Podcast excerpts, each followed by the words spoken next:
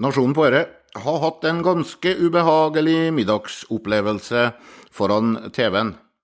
De ferske dyrevernskandalene vil trolig endre norsk kyllingproduksjon, mens i lakseindustrien så er det business as usual. Kjæresten min mekka middag på onsdag kveld. Det ble thaikylling. Det er jo så sunt og godt. Ja visst, sa jeg, som ikke ville ødelegge den gode stemninga. Jeg hadde nettopp sett på svensk TV hva middagens bestemor måtte gjennomleve. Bestemor kylling ble hakka og ribba til blods. Liggende med innvollene ute ble hun spist levende av andre høner, sulta til kannibalisme. Bestemor kylling ble klekka i Skottland og ble kjørt via Frankrike og Danmark til Skåne. Her levde hun i et av de svenske anleggene til Aviagen-konsernet.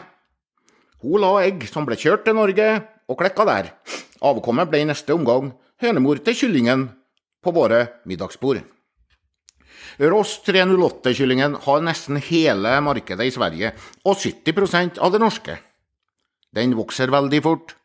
Et individ blir slaktemoden på en måned og trenger bare 1,5 kilo fôr for å produsere et kilo kjøtt. Det er bra for produksjonsøkonomien, for klimaet og for prisen på en middag.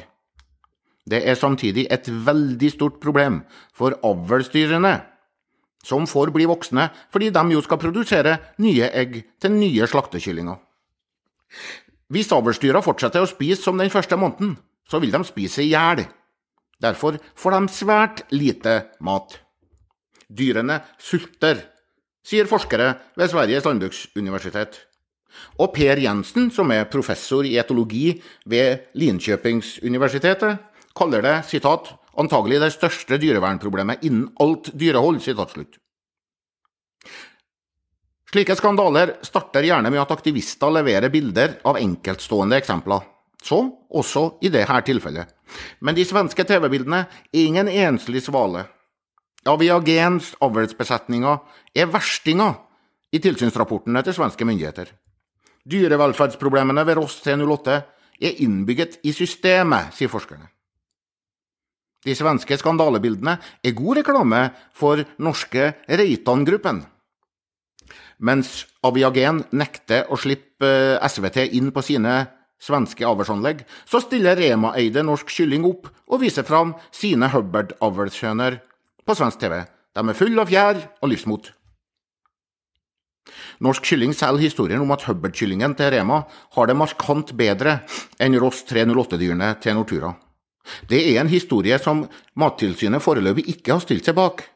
Men SVTs dokumentar viser altså at den store forskjellen i dyrevelferd den ligger i avlssystemet. Dyrevernsskandaler pleier ikke å redusere det vanlige kjøttforbruket. Normalt så ville en informasjonssmarting i Nortura fortalt konserndirektør Kjetil Rakkenes at han må snakke om enkeltstående bilder, og at Mattilsynet ikke har reagert. Jeg tror Rakkenes ser hvor det bærer. Istedenfor å kjøpe seg tid, så varsler han at Norturas planer om å bytte ut Ross 308 med saktevoksende kylling skal fremskyndes. Da blir det 100% saktevoksende kylling i Norge, som vil bli et foregangsland på kyllingvelferd. Forbrukere som vil ha plaga av billigkylling, kan selvsagt kjøre til Sverige og kjøpe den, men det gjør de allerede i dag. Laks, det er nå iallfall sunt, sa kjæresten. Vi var ferdig med middagen og slo på Dagsrevyen. Det skulle ikke hun ha gjort, for der var det oppdrettsmerder med et tett lag med død laks på bunnen, sakte kvalt av gjellesykdom. Sykdommen finnes i de fleste anlegg fra Vestlandet opp mot Trøndelag, sier professor Are Nylund. 58 millioner norske oppdrettslaks døde i fjor, kvalt, oppspist av lus eller hjertedød.